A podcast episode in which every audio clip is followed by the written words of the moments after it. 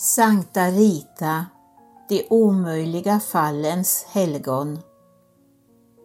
Kapitel 3 Kvinnan utan hembegär Bröllopsdagen infann sig slutligen. Utan att vara medveten om det var Rita strålande vacker i sin brudutstyrsel då hon högtidligt uttalade det ja som band upp henne för framtiden.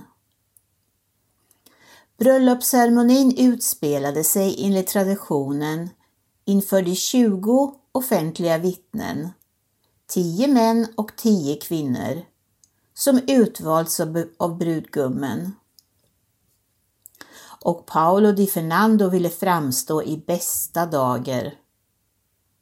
Med sina kläder och sin hållning gjorde han skäl för de lovprisande utrop som yttrades av hans följeslagare. Vilken stolthet! Paolo försökte också att vara älskvärd mot sin unga hustru. Rita kunde inte låta bli att ställa sig frågan Kommer det här verkligen att hålla? Efter utväxlingen av ringar och prästens välsignelse hölls ett första gästabud hos brudgummen, dit enligt seden endast hans släktingar och vänner hade inbjudits. Veckan därpå samlades brudens familj och vänner till en andra festmåltid hemma hos familjen Lotti. Seden hindrade de två familjerna från att mötas, vilket vid en första anblick kunde verka föga vänskapligt, men på det sättet undveks tvister om företräden och utgifter. När alla plikter hade uppfyllts kunde de äkta makarna börja sitt gemensamma liv med allt vad det innebar. Det dröjde inte länge förrän Paolo återtog sina dåliga vanor. Allt oftare höll han sig borta och kom hem allt senare med sönderrivna kläder, vilket visade att han hade varit i slagsmål och han var rejält berusad. Men Rita väntade tålmodigt på honom och utan ett ord värmde hon upp maten och lagade revorna i Paulos kläder. Som tack fick hon bara ovänliga ord, som till på köpet var orättvisa, eftersom Rita var en förträfflig husfru. Min rock har du inte borstat ordentligt. Det är för mycket salt i maten. Du måste lära dig att putsa mina jaktstövlar bättre. En dag irriterade han sig på en örtsoppa som i hans tycke återkom allt för ofta på matsedeln. Så här gör jag med den. Soppskålen i terrakotta gick i tusen bitar på golvet. Rita han nätt och jämnt dra undan fötterna. Dagen därpå kom de nyfikna grannkvinnorna på besök för att höra efter vad som hade hänt. Givetvis var inte den koleriske mannen hemma. Vad hände egentligen i natt? Din stackare! Om jag hade haft en sådan man, då skulle jag ha slitit ut ögonen på honom. Ingenting hände, svarade Lerita lugnt. Han var bara lite uppspelt. Grannkvinnorna som mindes vilket oväsen det hade varit lät sig inte lura så lätt. Men i hemlighet kunde de inte hindra sig själva ifrån att beundra Ritas fridfulla sätt. De kallade henne kvinnan utan hembegär. Flera av dem tog Rita till föredöme och försökte i sina egna hem visa prov på godhet och tålamod. Paolo di Fernando var inte en helt igenom dålig människa. Han var frikostig då han var på gott humör och då lyckan hade lett mot honom eller då han mötte en tiggare. Han hjälpte också sina vänner när de var i knipa. Men det var svårt att leva med honom i hemmet där han ständigt var missbelåten med allting. I sina raseriutbrott kunde han bli så arg att han slog Rita. Varje dag fick Antonio och Amata besök av Rita. De hade lagt märke till att hennes ögon var rödkantade av gråt och att hennes armar var blåslagna trots ansträngningarna hon gjorde för att dölja dem. När de frågade ut henne svarade hon undvikande. Nej, inte alls pappa, allt är bara bra. Ja, visst mamma, jag mår alldeles utmärkt. Det är bara en släng av trötthet. De var gamla och hon ville inte oroa dem. Men grannkvinnorna var inte lika taktfulla.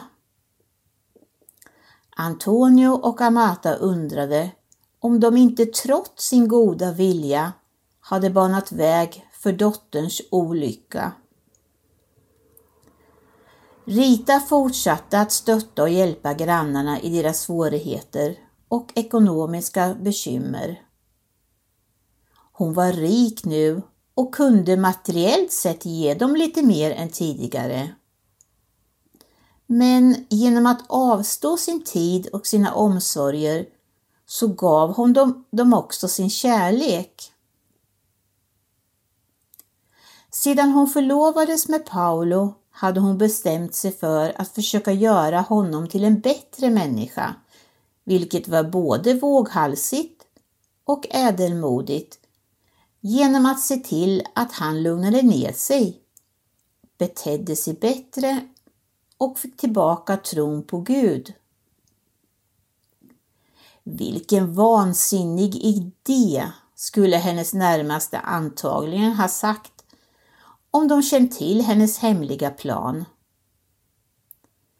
Därför aktade hon sig för att yppa den ens för föräldrarna och barndomsvännerna. Men hon anförtrodde sig åt Gud, bad och späkte sig i smyg. Paolo var ofta borta, vilket gjorde saker och ting lättare för henne.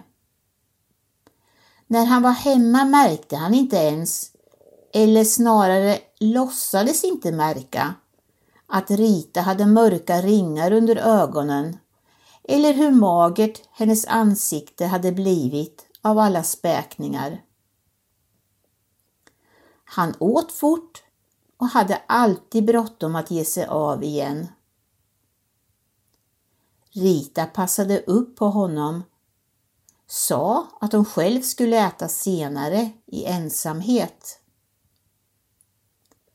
I själva verket åt hon knappt något alls.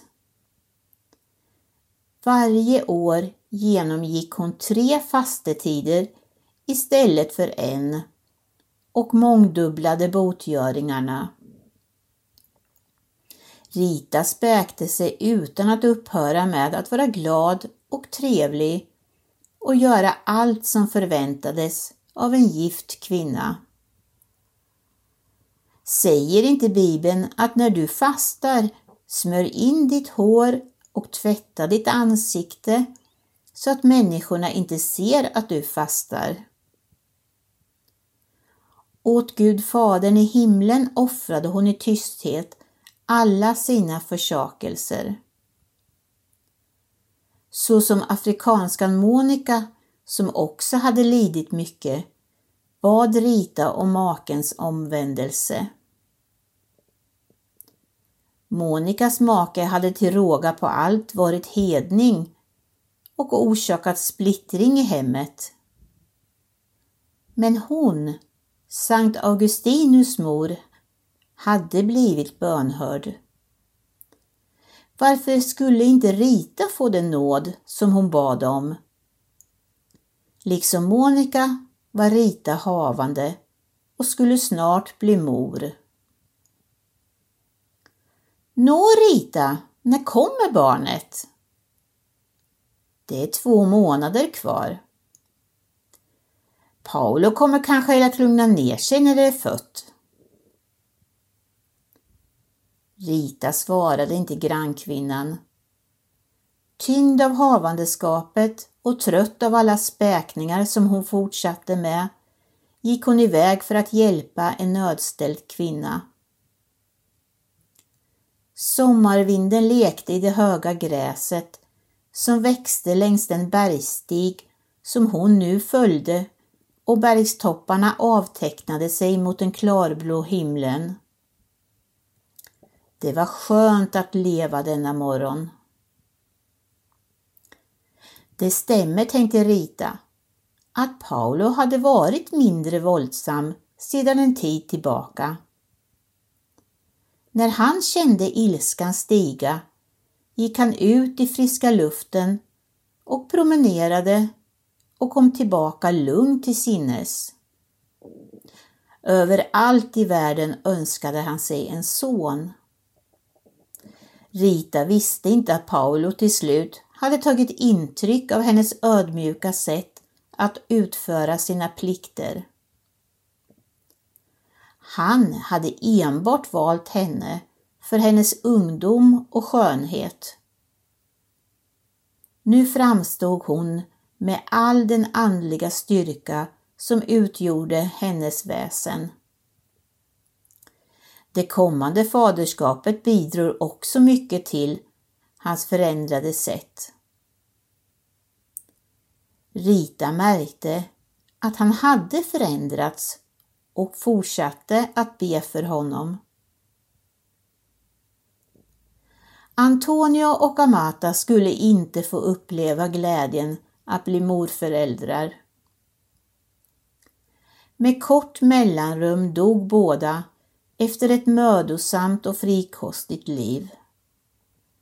Men innan de dog hade de lagt märke till att Rita inte verkade så plågad som hon hade varit i början av äktenskapet. De skulle bestämt hjälpa henne ovanifrån. Alla överraskades då Rita en vacker morgon födde två pojkar till världen. Paulus förhoppning om en son hade mer än väl infriats och Rita svämmade över av moderskärlek. Pojkarna döptes till Jacobo, Antonio och Paolo Maria till jungfru Marias, faderns och morfaderns ära. Med pojkarnas ankomst infann sig äntligen husfriden. Numera blev Paolo di Fernando nästan aldrig arg när något gick emot honom. Inte heller gav han Rita skulden. Då hon såg honom leka med tvillingarna och själv kände sig älskad och förstådd undrade Rita om hon trots allt inte var lite lycklig i det äktenskapliga liv som hon själv inte hade valt.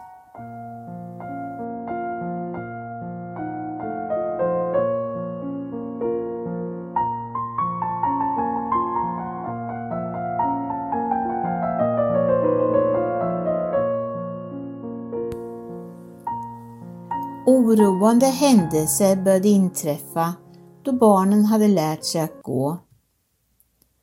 En kväll gick Rita fram och tillbaka i trädgården och vattnade blommorna. Pojkarna som ännu inte var riktigt stadiga på benen följde efter henne. Håll er borta från rabatterna! Smutsa inte ned er! Trots tillsägelsen tyckte de att det var roligt att springa i hasorna på modern. Rita, var är mitt läderbälte? Paolo stod i dörröppningen och skrek så som män i alla tider har gjort när de inte hittar sina kläder. Stanna kvar pojkar, jag är snart tillbaka. Rita ställde kvickt ner den halvfulla vattenkannan på gräset och skyndade sig in i huset. Några minuter senare hördes det skrik från barnen. Med bultande hjärta återvände Rita till trädgården. Mamma! Mamma! skrek Paolo och Maria. Jacopo och Antonio hade velat lyfta vattenkannan och givetvis hade den vält med vattnet över deras fötter. Rasande och blöta hade de råkat i slagsmål och de slet varandra i håret. Tillfälligtvis var Jakob och Antonio den starkare. Det var Paul och Maria som hade ropat på hjälp. Med stort besvär lyckades Rita sära på dem, torkade av dem och försökte förklara för dem att man aldrig ska slåss och ännu mindre hämnas. Rita suckade. Skulle vreden som Paolo med så mycket möda hade lärt sig att tygla dyka upp hos sönerna? Skulle även de en dag lära sig att bemästra den? Hur skulle hon kunna hjälpa dem med det? När de hade lugnat ner sig och försonat sig med varandra skrattade de på nytt tillsammans och trivdes förträffligt i sina torra kläder. Paolo skrattade också tillsammans med dem och sa med road stolthet Vilka små bråkstakar! Men Rita fortsatte att oroa sig. Pojkarna slogs ofta när de var barn. Fastän de stod varandra väldigt nära tyckte de om att retas och mäta sina krafter antingen gentemot varandra eller mot kamraterna. Ett betydligt allvarligare problem var att de ville hämnas på sina medtävlare och motståndare när de själva befann sig i underläge, vilket var långt ifrån den kristna moral som Rita försökte pränta in i dem. Hon närde hoppet att få en söt liten dotter som hon kunde uppfostra så som hon själv hade blivit uppfostrad. Men hon skulle aldrig få någon dotter. Istället drabbades familjen av en olycka. En vinterkväll då det blåste en häftig storm i Rocaporena väntade Rita sedan länge med kvällsmåltiden på spisen. Hon var som alltid upptagen. Hon satt i vaxljusets sken och spann samtidigt som hon bad. Pojkarna hade sedan länge kommit tillbaka från den närbelägna skogen där de samlat ved som de nu höll på att hugga upp i vedbon. De var nästan vuxna nu och hjälpte till både inne och ute. Har inte pappa kommit hem ännu? frågade Jacopo och Antonio när han kom in. Jag är hungrig som en varg, sa Paolo och Maria som följde tätt efter. Är det... Han avbröt sig då han såg hur bekymrad modern såg ut. Han kommer nog snart, sa Rita för att inte oroa dem, men kanske mest för att lugna sig själv. På morgonen hade Paolo varit tvungen att bege sig till Kaskia trots den annalkande stormen. Sedan dess hade det blåst så kraftigt att vissa vägar var oframkomliga. Medan de väntade på att han skulle komma tillbaka försökte de inför varandra dölja den oro som bara växte sig allt starkare hos var och en av dem i takt med att timmarna gick. Mitt i natten hördes det kraftiga slag på dörren. Jakob och Antonio sprang fram till dörren och öppnade den. Han hann fram före Rita, om vars axlar Paolo Maria instinktivt hade lagt en beskyddande arm. Hon sköt honom åt sidan och såg hur grannen Giovanni tillsammans med hela stormens vrede trängde in i det ombonade huset. Hans kläder var täckta med lera och hans hår stod på ända. Hans förvirrade ansiktsuttryck avslöjade inte bara att han hade trotsat vädrets makter utan också att han varit vittne till något fruktansvärt. Paolo? frågade Rita och gjorde korstecknet. Skynda dig! Anfallen! Nära Korno! Ett bakhåll! De flydde sin väg. Vilka? Jag vet inte, vi måste hämta honom. Död? Giovanni svarade inte men sänkte blicken. Han skyndade sig att ta upp facklan och åtföljd av Rita störtade han ut igen. Pojkarna hann nätt och jämnt kasta en varm kappa över axlarna på modern. Sedan följde de efter henne, men på avstånd. De tänkte hålla ett vakande öga på henne, men utan att tränga sig på.